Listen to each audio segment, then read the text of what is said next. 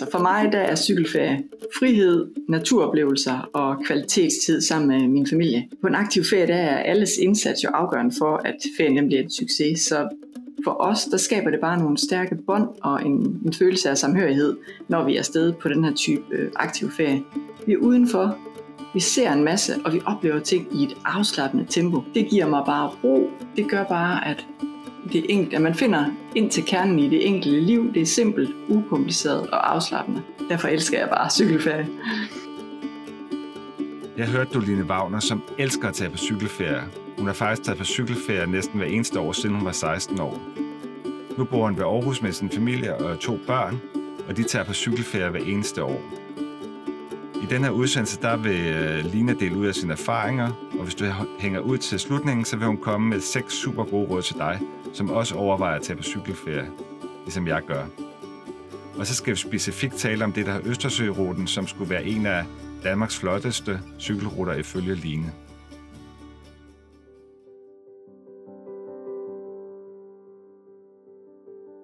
Hej og velkommen til. Jeg hedder Per Sommer, og jeg er din vært her på rejsepodcasten fra Taste the World. Taste the World det er også en hjemmeside, hvor der er en masse rejseinspiration, og den står jeg bag. Og det er min ambition at formidle rejseinformation med lidt kant, som er lidt anderledes og ikke kun handler om charterferie sydpå. Jeg har som sagt øh, Line Wagner i studiet i dag, og vi skal tale om cykelferie. Jeg har selv gået og tænkt mere over det her med at rejse under coronakrisen, om hvorfor det er, at vi faktisk rejser rundt på den anden side af jordkloden, når vi har så mange fede ting tæt på. Jeg blev nysgerrig på cykelferie, og derfor inviterede jeg så Line i studiet. Inden vi starter dagens udsendelse, så vil jeg gerne opfordre dig til at øh, følge Taste the World. Det kan du gøre på flere måder. Du kan gå ind på tastetheworld.dk. Her kan du tilmelde dig mit nyhedsbrev, og så vil jeg sende dig nyt, når der er nye rejseartikler og rejsepodcast på hjemmesiden. Du kan også gå ind på de sociale medier. Der er Facebook, der er Instagram, og så er der Twitter. Men lad os komme i gang med dagens udsendelse og blive klogere på cykelferie i Danmark og ikke mindst Østersøruten. Og velkommen til, Line. Tak skal du have. Kan du ikke starte med lige kort at fortælle lidt om dig selv og øh, din rejseblog? Eller din, det er jo ikke en rejseblog, det er vel mere sådan en friluftslivsblog. Ja, jeg kalder det en outdoor-blog. Jeg hedder Line Wagner, og jeg er sådan multipassioneret outdoor-menneske. Jeg brænder for udlivet, og jeg brænder især for cykelture og for cykelferie, som vi skal snakke om i dag. Siden øh, 2015, der har jeg drevet Alle Ud, øh, og jeg har været selvstændig. Og Alle Ud er i dag Danmarks største outdoor-blog om aktiv ferie og friluftsliv med børn. Og på alle ud, der giver jeg tips om cykelferie, vandreture, kanoture, kajakture og andre outdoor-oplevelser. Øh, og selvfølgelig cykelture og cykelferie. Det er både konkrete turbeskrivelser, men også en hel masse meget konkrete, lavpraktiske råd om, hvordan man pakker, hvordan man kommer i gang, og hvad man kan gøre for at få en succesfuld aktiv ferie med sin familie. Udover at drive alle ud.dk, der er jeg også selvstændig øh, konsulent, og jeg rådgiver primært øh, kommuner om projektudvikling og politikudvikling inden for kultur og natur og friluftsliv.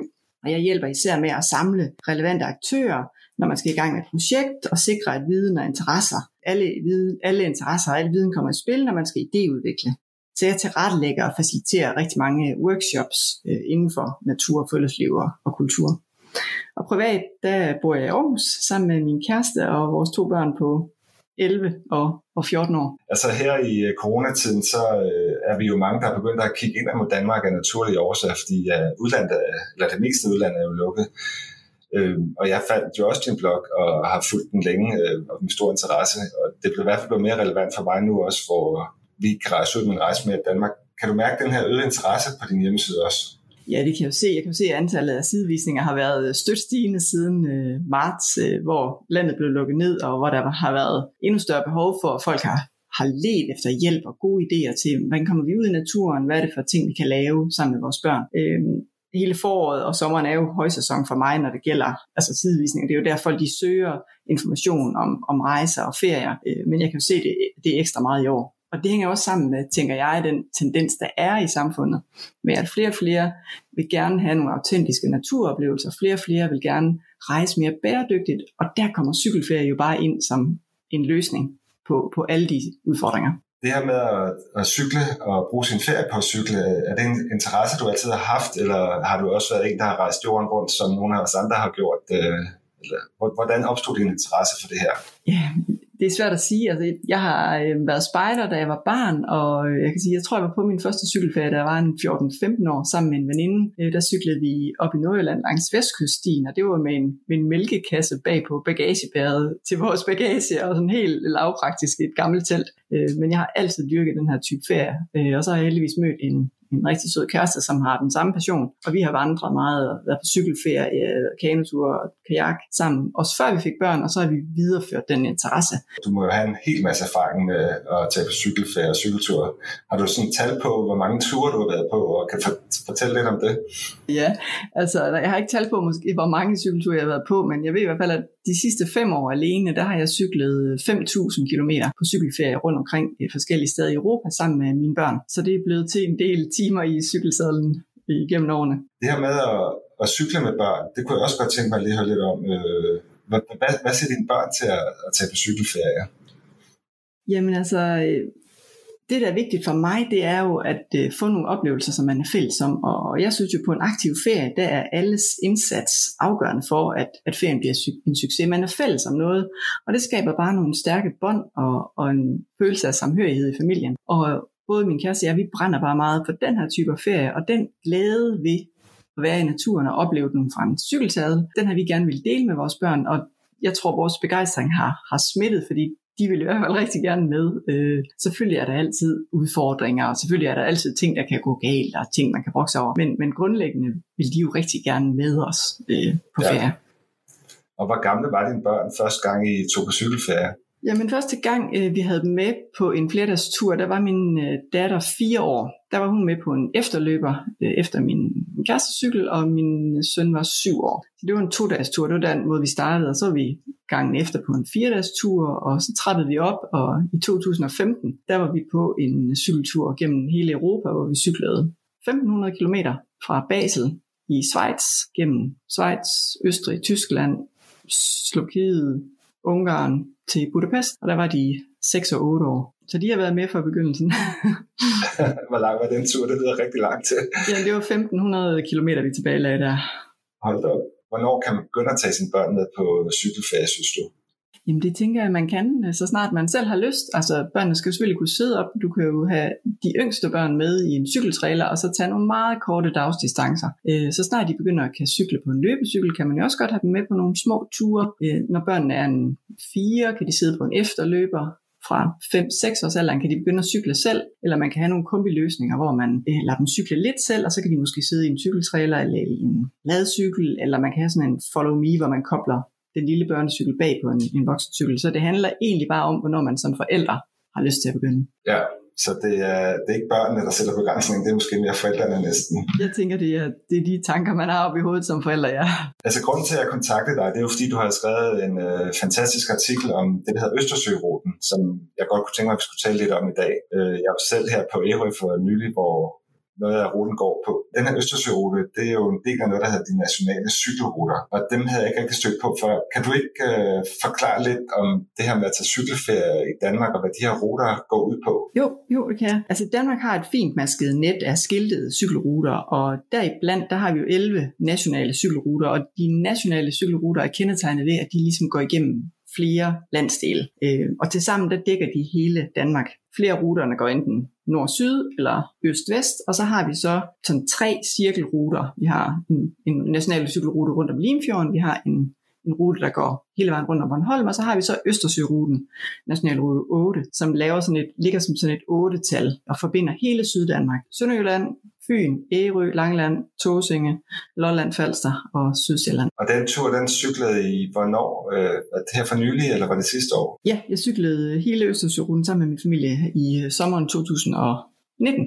Ja, så det var sidste sommer, ja. Og det, det er en ret lang rute, er det ikke det? Jo, det er, det er den øh, længste nationale cykelrute, vi har. Den er 814 km, øh, men man behøver jo ikke at cykle hele ruten, hvis man vil afsted på en øh, cykelferie på Østersøruten. Man kan jo sagtens tage en etape eller en bid af den. Og hvor lang tid var I om at køre den tur? Jamen, vi var undervejs øh, i 26 dage, altså en 3,5 uge. Og så undervejs, så holdt vi også nogle pausedage, hvor vi slet ikke cyklede, og så hvor vi lavede nogle andre ting, vi havde planlagt. Vi var blandt andet ude at sejle i havkajakken dag og ude at vandre ved Møns Klint.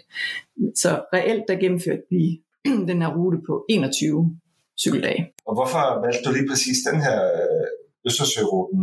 Ja, men det gjorde jeg, fordi jeg sammen med min familie har cyklet på øh, nogle rigtig højkvalitets cykelruter rundt omkring i Europa. Øh, vi har blandt andet cyklet på langs Elben og langs Donau og langs Rhinen, hvor vi har nogle af Europas absolut bedste cykelruter. Og i 2017 og 18 øh, valgte man så fra dansk side at lægge nationalrute 8 om og, og tænke den mere som en rekreativ cykelrute, virkelig for cykelturister. Og så nyskiltede man, man hele ruten. Og så begyndte øh, Vejdirektoratet, kommunerne og visitorganisationerne at markedsføre den her rute som verdens bedste og hyggeligste cykelrute. Og det vil jeg også selvfølgelig teste øh, sammen med min familie. Øh, og så jeg også kunne give øh, mine læsere et svar på, er den her rute så god som, som mange af de andre kvalitets cykelruter, vi har rundt i Europa. Så vi planlagde simpelthen en tur rundt øh, på den rute sidste sommer. Og levede det op til jeres forventninger så? Jamen jeg synes, ruten har rigtig mange kvaliteter, og øh, jeg var faktisk overrasket over, hvor godt den var skiltet sammenlignet med, med mange andre ruter i Danmark. Øh, men der er stadigvæk et stykke op til de bedste internationale cykelruter, vil jeg sige. I Tyskland, de er ligesom et hestehoved foran Danmark, når det kommer til kvalitetscykelruter. Men af en dansk cykelrute, der vil jeg sige, den er virkelig, virkelig fin. Det er jo interessant, at de faktisk har bedre cykelruter i Tyskland, når vi i markedsføres i hvert fald i Danmark som et cykelland, og så er vi ikke helt med måske endnu, når det gælder kvaliteten. Grunden til, at øh, Danmark er kendt som et cykelland rundt i verden, det er, at vi har sat sig utrolig meget på hverdagscyklisme øh, og pendlere. Det vil sige, at vi har nogle byer, som generelt er indrettet super godt til cyklister, og vi har rigtig mange øh, gode pendlerruter og stort fokus på trafiksikkerhed i forhold til hverdagscyklisme. Men når det kommer til rekreativ cyklisme, altså cykelturisme, så er vi ikke så langt øh, frem i skoene. Det, det er noget helt andet, der skal til, når du anlægger ruter øh, mindet på turister. Og der er man bare i et land som Tyskland, vores naboland, øh, langt længere frem og har meget bedre greb om, hvad der skal til, og hvordan man bygger en kvalitetsrute op. Men altså med Østersøruten, der er vi kommet et rigtig godt skridt nærmere, tænker jeg, kras lidt i, i sokkerholderne på de, vores tyske konkurrenter. Og hvad, hvad, hvad gør en cykelrute til en kvalitetsrute øh, efter din mening? Jamen, der, der er jo flere ting, der skal være øh, i orden. Altså for det første skal ruten jo være godt skiltet. Den skal have et godt øh, underlag. Der skal, altså asfalteret underlag er jo klart det bedste at cykle på, når du kommer med en, en tungt læsset cykel med bagage. Så skal du have en rute, der er interessant at cykle på, så den skal være naturmæssig, oplevelsesmæssig interessant. Så variation, og igennem smukke områder og forbi øh, seværdigheder og forbi oplevelser er rigtig vigtigt. Så er noget som trafiksikkerhed også rigtig vigtigt. En rute, der er øh, bilfri, hvor du cykler i dit eget spor som cyklist, er jo øh, langt mere attraktiv at cykle på, når du har børn, end en rute, der går på en øh, super trafikeret landevej. Så det er nogle af de vigtigste forhold. Og så er der sådan noget om, omkring tæthed af overnatningssteder. Jo flere overnatningssteder, der ligger tæt på ruten, des bedre er det selvfølgelig. Og så handler det jo også om, er der øh, formidler med den her rute som en sammenhængende rute, kan du finde information information om ruten nemt, så det er nemt at planlægge din rute hjemmefra. Er der et godt kortmateriale, som dækker ruten? Det er nogle af de her faktorer, der, der er afgørende for, om, om en rute ligesom kan lægge sig op i det højeste kvalitetsniveau. Og hvor, hvor, hvor rangerer vi øh, henne med Østersøen her? Jamen, øh, jeg har sådan vurderet ruten på, jeg sådan ud fra otte kriterier, øh, og der øh, bonger ruten ud på, vil jeg sige, øh, hvis jeg skal sammenligne med de sådan, europæiske ruter, 3,5. Ude på en, en femskala? På en, fem, skala, ja. Så der, der er rum for forbedring, men, men du kalder det alligevel en af Danmarks bedste cykelruter, kan jeg se ind på din side.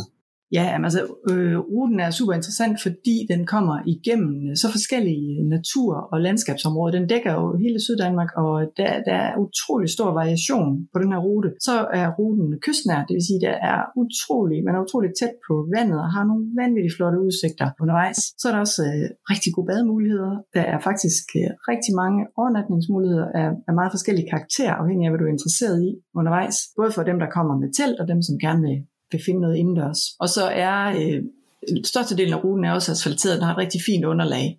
Øh, det er især trafiksikkerhed, ruten den bonger lidt ud på. Altså ruten er ikke øh, bilfri, som eksempelvis nu har jeg cyklet på Elbe Radvæg og Donau Radvæg, som jo er, er 100% bilfri ruter, hvor du kører i dit eget spor ude i naturen. Og det er Østersøruten ikke. Der kører du primært af biveje, men nogle steder desværre også langt til et par enkelte hovedveje, som er trafikeret. Kan du ikke tage os lidt med rundt på jeres tur? Jo, vi, vi tog toget med cyklerne til Fredericia, der startede vi, og så cyklede vi den her 8-tals rute.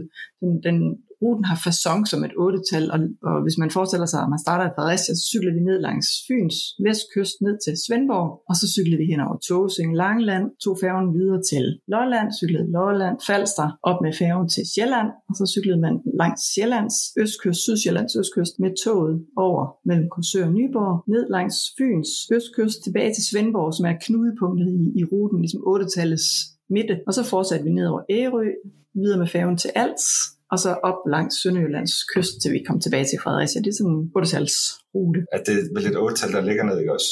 Lige præcis, et liggende 8 eller et uendelighedstegn. Og hvad, hvad synes du, der var sådan højdepunkterne på den her tur? Jamen jeg synes egentlig, at højdepunkterne, når jeg, når jeg tænker på den her cykeltur, så det vi husker i hvert fald, det er den her kystnærhed og den her store variation i landskaberne. Altså det, det bliver aldrig ensformigt at cykle på, på den her rute her. Det er jo ikke en rute, som kommer forbi Danmarks øh, top. Altså det gør den nogle steder, men det er mere landskabet og hele naturen, som jeg husker den her rute for. Øh, og den her kystnærhed, det gjorde, at min kæreste og jeg jo kunne sige, nej, se, se den udsigt, se den udsigt. Og børnene så det som, nej, se den badestrand, der skal vi ned og bade. så, så det var jo, hver dag var jo en badedag på den her cykelferie. Altså vi, jeg tror faktisk ikke, vi havde en eneste dag, hvor, hvor ungerne ikke var i vandet. Og da I rejste på den her tur her, var, Hvordan, øh, hvad, hvad gjorde I med overnatning og forplejning og sådan noget? Ja, vi har telt med, og det er jo egentlig bare vores præference. Vi, vi har telt med, og så sover vi på øh, enten de primitive telt- og shelterpladser, eller på campingpladser. Det veksler vi sådan lidt imellem. Øh, vi synes, det, er, det giver os mest frihed, fordi man ikke behøver at book hjemmefra, og fordi vi kan bare godt lide at være ude. Altså det er fantastisk at sidde i sit telt og se solen gå ned over vandet, og så vågne op til fuglekvider. Og det gør jo også, når man, når man har telt med, så turen også bare billigere, end hvis du skulle være afsted. Altså jeg, vi har nok ikke haft råd til at være afsted i 3,5 uger, hvis vi skulle have på hotel alle nætter. Hvad bruger man om dagen på sådan en cykelferie? Det er jo i høj grad din overnatningsform, der bestemmer, hvor meget en cykeltur i Danmark koster. Øhm, vores tur kostede omkring 20.000 for 3,5 uge, øh, og det er alt inklusiv. Alle overnatninger, alt med, alt transport med færger undervejs og, og store bælt, og transport til og fra ruten, og altså alt kaffe, is, undervejs for fire personer, ja. Så det er, meget, det er meget billigt i forhold til, hvordan man altså, ellers skal holde ferie i Danmark. Men altså, det er jo fordi, vi netop har vores eget telt og valgt at sove måske faktisk næsten mere end halvdelen af nætterne på, på nogle primitive telt og shelterpladser også. Okay, og de koster ikke noget, eller der bruger man gratis? Øh, mange af Naturstyrelsens pladser, eller de kommunale pladser, de er typisk gratis, og så er der private pladser, som, hvor man måske skal betale 25 eller 30 kroner per person for overnat. Øh, og der kan så være, der også er vand og toilet og ja, lidt flere faciliteter. Og hvad gør I med mad? Altså laver I selv mad undervejs, eller er det sådan en kombi med at spise på restauranter og kafeterier, eller Jamen, vi, vi, vi laver faktisk selv mad undervejs, og det er egentlig fordi, vi synes, det er rart, når man kommer frem, så kan vi godt lide at blive så har vi været undervejs hele dagen, og så er det rart, når man har slået sit telt op, og så blive der, hvor man er. Så vi handler typisk i de supermarkeder, vi kommer forbi undervejs til frokost, og så spiser vi, og så handler vi typisk igen lige inden vi, vi er fremme ved den teltplads eller campingplads, hvor vi skal overnatte til aftensmad. Og så laver vi selv mad, vi har trængt hjemme. Nogle gange så køber vi jo også noget takeaway, men altså, man gider typisk ikke sætte sig op på sin cykel, og så lige køre 3, 4, 5 km for at gå ind på en restaurant, og så hjem igen, når man har cyklet 50 km i løbet af dagen.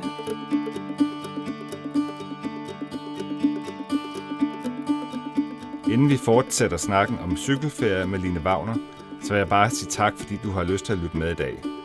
Hvis du kan lide dagens afsnit, så vil jeg opfordre dig til, at du abonnerer på min podcast i din podcast-app. Så får du altid besked, når der er en ny, friske rejsepodcast. Du kan også gå ind på min hjemmeside, der hedder tastetheworld.dk, hvor du finder en masse andre rejseartikler fra hele verden, og podcast selvfølgelig. Her kan du også tilmelde dig et nyhedsbrev, og så vil jeg sende dig en mail hver gang, der er ny rejseinspiration, både i form af artikler og rejsepodcast. Men lad os nu vende tilbage til snakken med Line.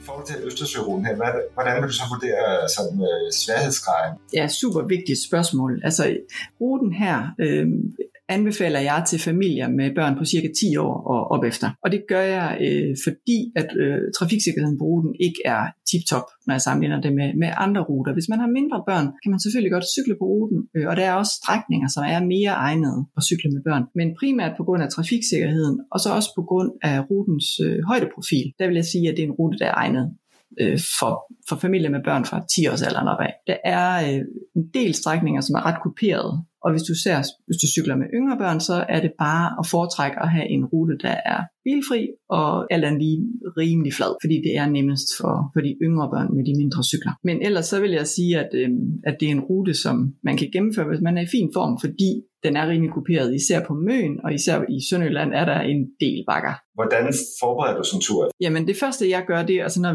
når vi har valgt en rute, eller vi vælger sådan set altid en rute, hvor vi ved, at vi kan få noget ordentligt kortmateriale. Det er afgørende. Og det første, man skal gøre, hvis man vil planlægge en cykelferie, det er jo selvfølgelig at sikre, at hele familien er med på ideen. Det vil sige, at man skal være enige om, at at det er den måde, man gerne vil holde ferie på. Øh, man kan jo lidt sammenligne en cykelferie med teamwork. Alle skal bidrage, altså alle skal være villige til at træde pedalen, ellers er der jo ikke nogen ferie. Så forventningsafstemning er jo det første skridt. Og så ja, så er kortmateriale super vigtigt. Jeg bruger altid tid på at finde ud af, hvad er det for delstrækninger der er, og hvor mange dage vil vi sætte af til det, og hvordan kan man skyde genvej undervejs, hvis der sker et eller andet uheld, eller hvis vejret bliver dårligt, eller whatever, så er det vigtigt at have nogle muligheder for at skyde genveje, hoppe på et tog eller et eller andet, som gør, at man, man ikke er tvunget til at gennemføre hele ruten. Så du er rimelig øh, forberedt, inden du tager afsted, kan man sige, med, med, med kortplanlægning og ruteplanlægning?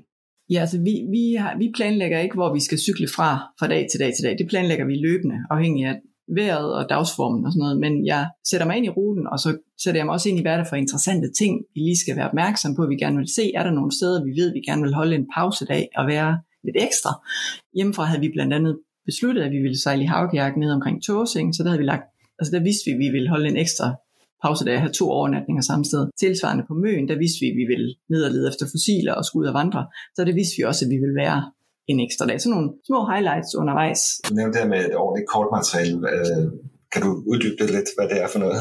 Ja, altså når man cykler, øh, er det, vil jeg sige, altid en fordel at have et papirkort. Man kan selvfølgelig godt bruge en eller anden online løsning, men altså det hjælper bare ikke noget at stå ude øh, midt på en pløjmark, skulle jeg sige, hvis din mobil løber tør for strøm, og du, så har du ikke noget kort. Og når det regner, og ja, du har brug for din mobil til, til mange andre ting, så vi foretrækker altid at have et papirkort. Og der har man brug for et kort, gerne i et målstoksforhold 1 til 75.000 eller 1 til 100.000, så du har en rimelig høj detaljeringsgrad. Og det er sådan nogle, man kan finde på nettet, eller øh, gå ned til en rejseboghandel, eller hvor finder man det Ja, der findes, øh, hvis man skal afsted på cykelferie på Østersøruten, så findes der, øh, så er der to valgmuligheder. Enten kan man købe øh, det, jeg vil anbefale, som er et tysk forlags kortbog. Det er en tysk bog med kortmateriale over en dansk rute, men det er et forlag, øh, der laver en cykelkortserie, der hedder Bikeline. Det er, det er det bedste cykelkort, man overhovedet kan få. Øh, der kan du se ruten indtegnet på kortet, og du kan se, hvor der er strækninger med grus, hvor der er strækninger med asfalt. Du kan se, om ruten er trafikeret eller bilfri, og ja, alle de informationer, du har brug for. Det er den ene mulighed. Den anden mulighed er at købe øh, nogle af de regionale cykelkort, der dækker Danmark. Og det har jeg også skrevet en artikel om, præcis hvad det er for nogle, der findes, og hvor man kan købe dem hen. Der har man så brug for tre forskellige kort, hvis man skal cykle hele Østersøruten. Et for Sønderjylland, et for Fyn og et for Sydsjælland og øerne, Lolland Falster. Jeg har taget lidt fat på det allerede, det her med at, at forberede øh, sådan en cykeltur og, og god råd omkring det. Hvor starter I henne, når I skal vælge en cykelrute? Er det bare søgninger på nettet, eller taler I med venner? Øh, ja, altså det er jo lige præcis der, du rammer ned i grunden til, at jeg har startet Alleud.dk, fordi øh, jeg synes, det har været utrolig vanskeligt øh, at finde relevant information om øh, familieegnede cykelruter også familieegnede vandreruter, hvor man kan cykle og, og vandre med børn. Så det er sådan set derfor, jeg har jeg driver alle ud. Det er for at hjælpe folk med lige præcis det, fordi det kan være rigtig, rigtig svært at gennemskue. Og noget af det, jeg lægger væk på, når jeg vælger en cykelrute, altså jo yngre mine børn har været, jo vigtigere har det været for os at vælge en trafiksikker rute. Og der har du brug for at vide det her øh, omkring, hvor, hvor, hvor mange biler kører der på, på ruten, og hvor, hvordan er den overhovedet at, at, at cykle på med børn. Og det er derfor, vi har, har cyklet rigtig meget syd for den danske grænse, mens børnene var små, og har så begyndt at være mere i Danmark nu, hvor de er blevet større. Fordi i Danmark, der har vi kun meget, meget få cykelruter, som er bilfrie. Det er blandt andet banestierne, som jeg har skrevet en masse artikler om øh, på alleud.dk, fordi jeg synes, det er de allermest familievenlige ruter, du har i Danmark til, til familier, der cykler med små børn. Hvor, hvor ligger de hen?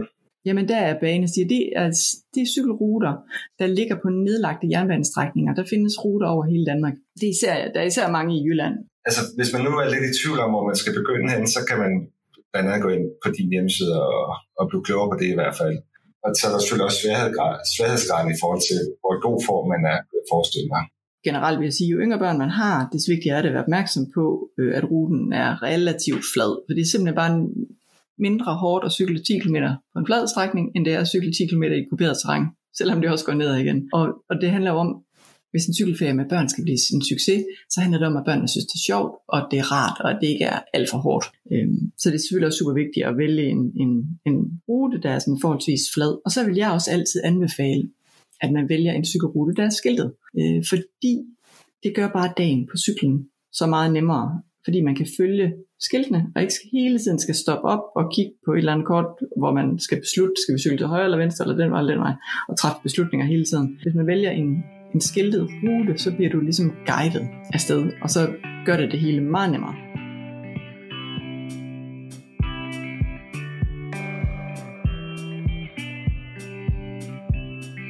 Lina Wagner og hendes familie er langt fra de eneste, der tager på cykelferie i Danmark. Faktisk er det rigtig populært. Ifølge Visit Danmark er der omkring 1,7 millioner cykelturister i Danmark om året. 40 procent af de her turister er fra Danmark, mens resten kommer fra udlandet. Og folk, der tager på cykelferie, elsker det, viser undersøgelserne.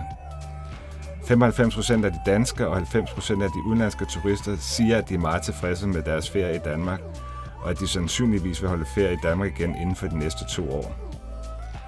Men hvem er det egentlig, der tager på cykelferie? Ifølge den her undersøgelse, så viser det, at største del af turisterne, eller cykelturisterne er 45 år eller ældre. 26 procent er under 18 år, mens 29 procent af cykelturisterne er mellem 28 og 45 år. I forhold til køn, så er der stort set lige mange mænd som kvinder, der tager på cykelferie.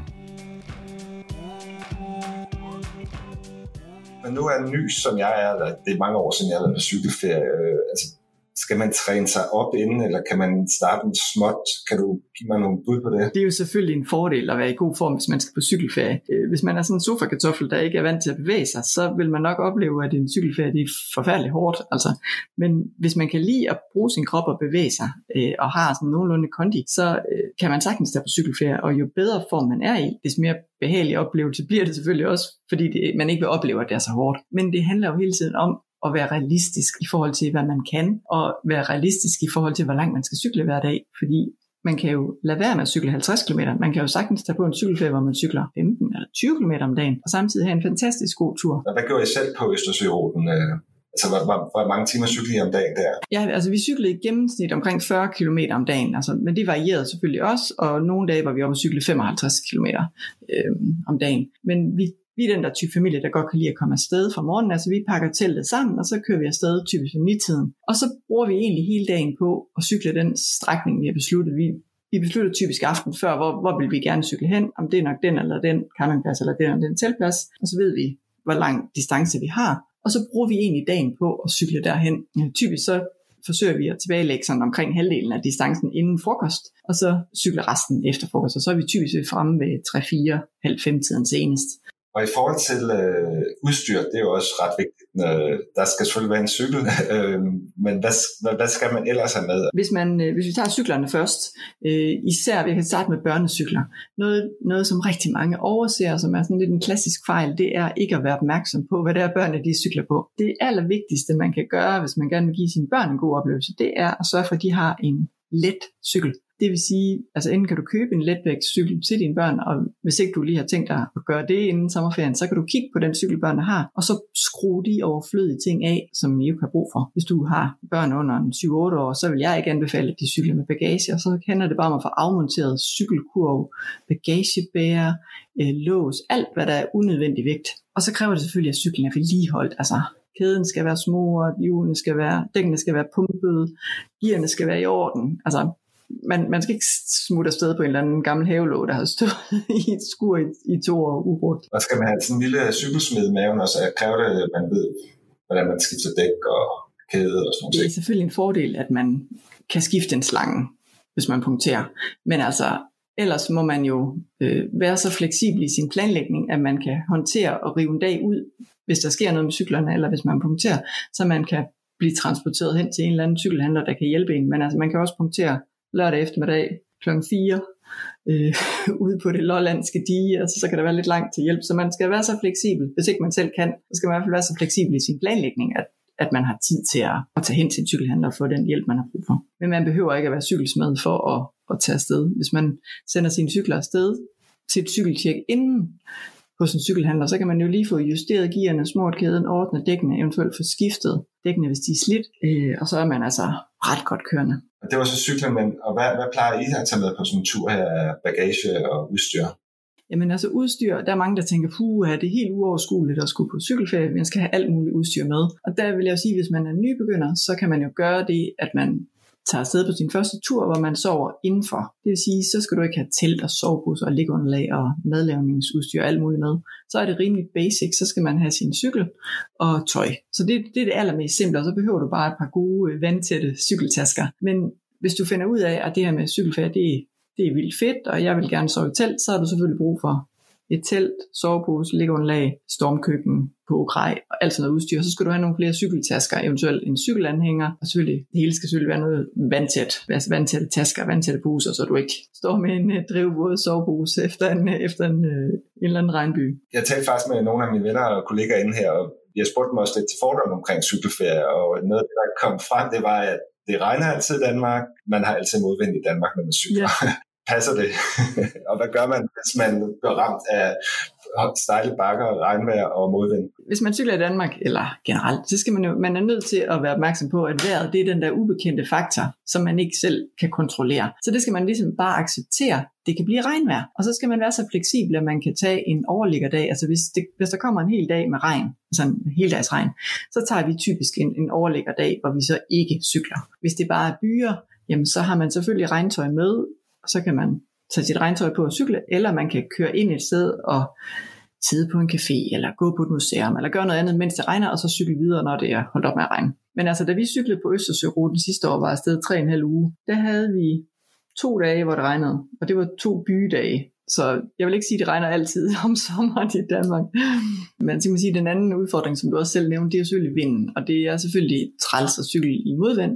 Men det kan man jo godt tænke lidt over, når man planlægger sin rute. Altså vi havde et år, hvor vi faktisk havde tænkt os at cykle langs Limfjordsruten øh, mod vest, og så kunne vi bare se, vi havde bare nogle dage til rådighed, så kunne vi se, det var bare stiv cooling fra nordvest, så valgte vi simpelthen at sadle om, og så fandt vi en øh, nord-sydgående rute i stedet for, så vi havde medvind. Øh, og det samme, da vi cyklede Østersøruten, der havde vi også gjort os nogle overvejelser om, hvordan cykler vi den her rute, sådan af hensyn til vinden. Altså.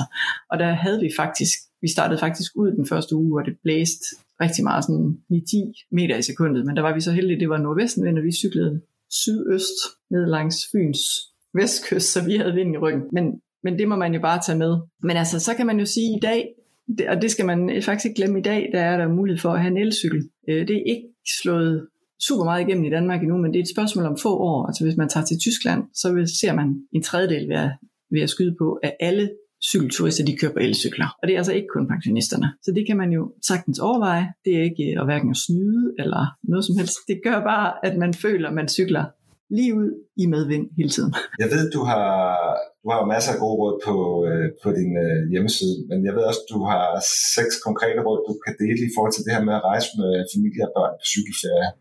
Jeg ved ikke, om du vil fortælle lidt om dem? Jo, altså der er jo super mange ting, man kan, man kan gøre sig overvejelser, inden man skal afsted på cykelferie første gang, og man kan have rigtig mange bekymringer. Og jeg tænker, at den, den, den allervigtigste ting, man skal gøre, når man starter, altså råd nummer et, det er forventningsafstemning. Man skal sætte sig ned med sin familie, sammen med sine børn, og tage en grundig snak om, hvad er det, vi skal i vores ferie? Vi skal på cykelferie. Hvad indebærer det? Har vi alle sammen lyst til det? Hvor langt skal vi cykle?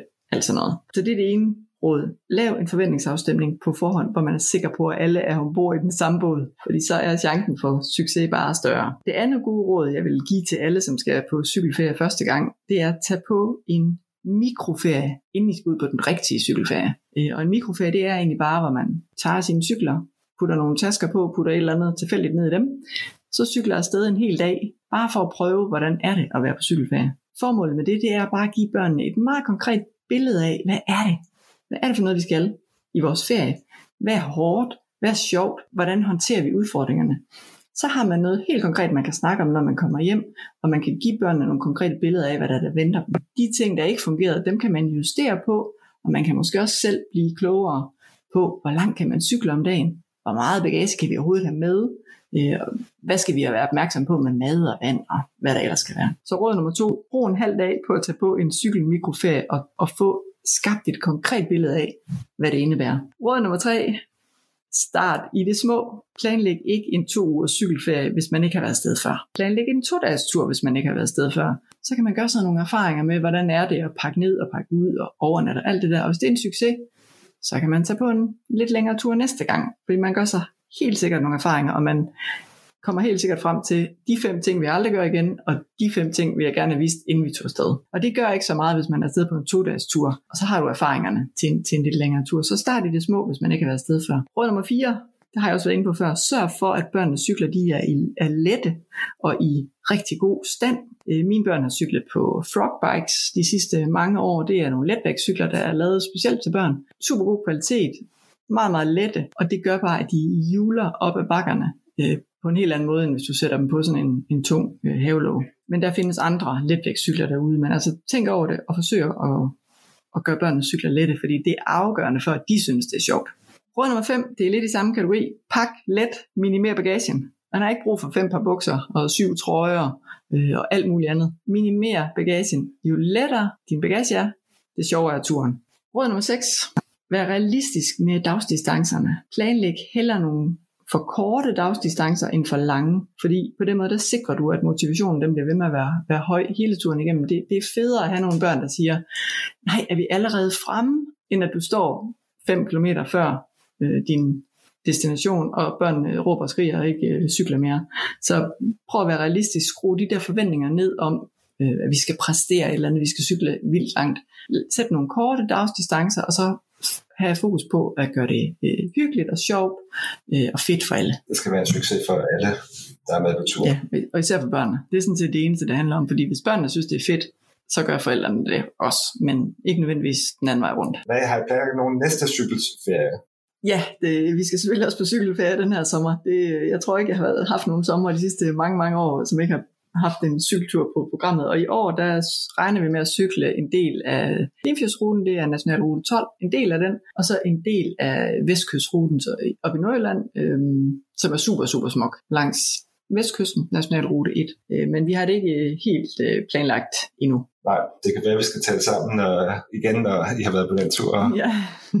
Inden vi øh, slutter af, så øh, skal vi lige slå et slag for din hjemmeside selvfølgelig. Øh, vi har gjort det lidt. Øh, hvis man vil ind og finde mere inspiration til cykelferien, så er det inde på alleude.dk. Øh, og der er både fra danske cykelture og fra udenlandske cykelture, er det ikke rigtigt? Jo, øhm. jo, jeg gør meget ud af at lave nogle, nogle turbeskrivelser, så man kan se, øh, hvordan er det at være sted på den her rute, og så lave nogle konkrete guides med alt fra A til Z, man har brug for at vide som, som cykelturist, så man kan planlægge sin egen tur, uanset om man vil afsted to dage, 10 dage eller 12 dage, eller hvor lang tid man nu vil afsted. Så alt om overnatning, alt om rutens etaper, alt om, hvordan kommer man frem til ruten, alt om, hvad kan man se og opleve undervejs, og hvordan er rutens underlag, alt hvad du har brug for at vide, det forsøger jeg at samle for de ruter, jeg har beskrevet. Øh, og Østersøruten har jeg lavet en, en stor artikel om, øh, og en komplet guide, som man kan bruge, og så har man sådan set plug and play klar til at tage afsted. Det lyder fantastisk, den vil jeg tage ind og hente. Line, tusind tak, fordi du havde lyst til at deltage i dag. Det har virkelig været inspirerende, og jeg skal helt sikkert på cykelferie, og jeg skal ind og læse noget mere på din hjemmeside. Så, så tak for, at du vil dele din uh, store viden og erfaring med os i dag. Ja, velbekomme. Det har været fantastisk spændende at være med. Tak for invitationen. Det var alt for den her gang. Tusind tak, fordi du har lyttet med hele vejen til enden her. Hvis du har fået mod på at tage på cykelferie, så vil jeg anbefale dig at gå ind på Line Wagners øh, fritidsrejseblog alleud.dk. Jeg vil også opfordre dig til at gå ind på min hjemmeside, den hedder tastetheworld.dk, og her finder du en masse rejseinspiration for hele verden. Der er både artikler og rejsepodcast. Jeg vil også gerne opfordre dig til at tilmelde dig mit nyhedsbrev. Det finder du også inde på min hjemmeside, tastetheworld.dk. Og så finder du mig også på de sociale medier. Det er både Facebook, Twitter og Instagram. Jeg slutter af for nu, og jeg håber snart, vi lyttes ved igen. Hej hej.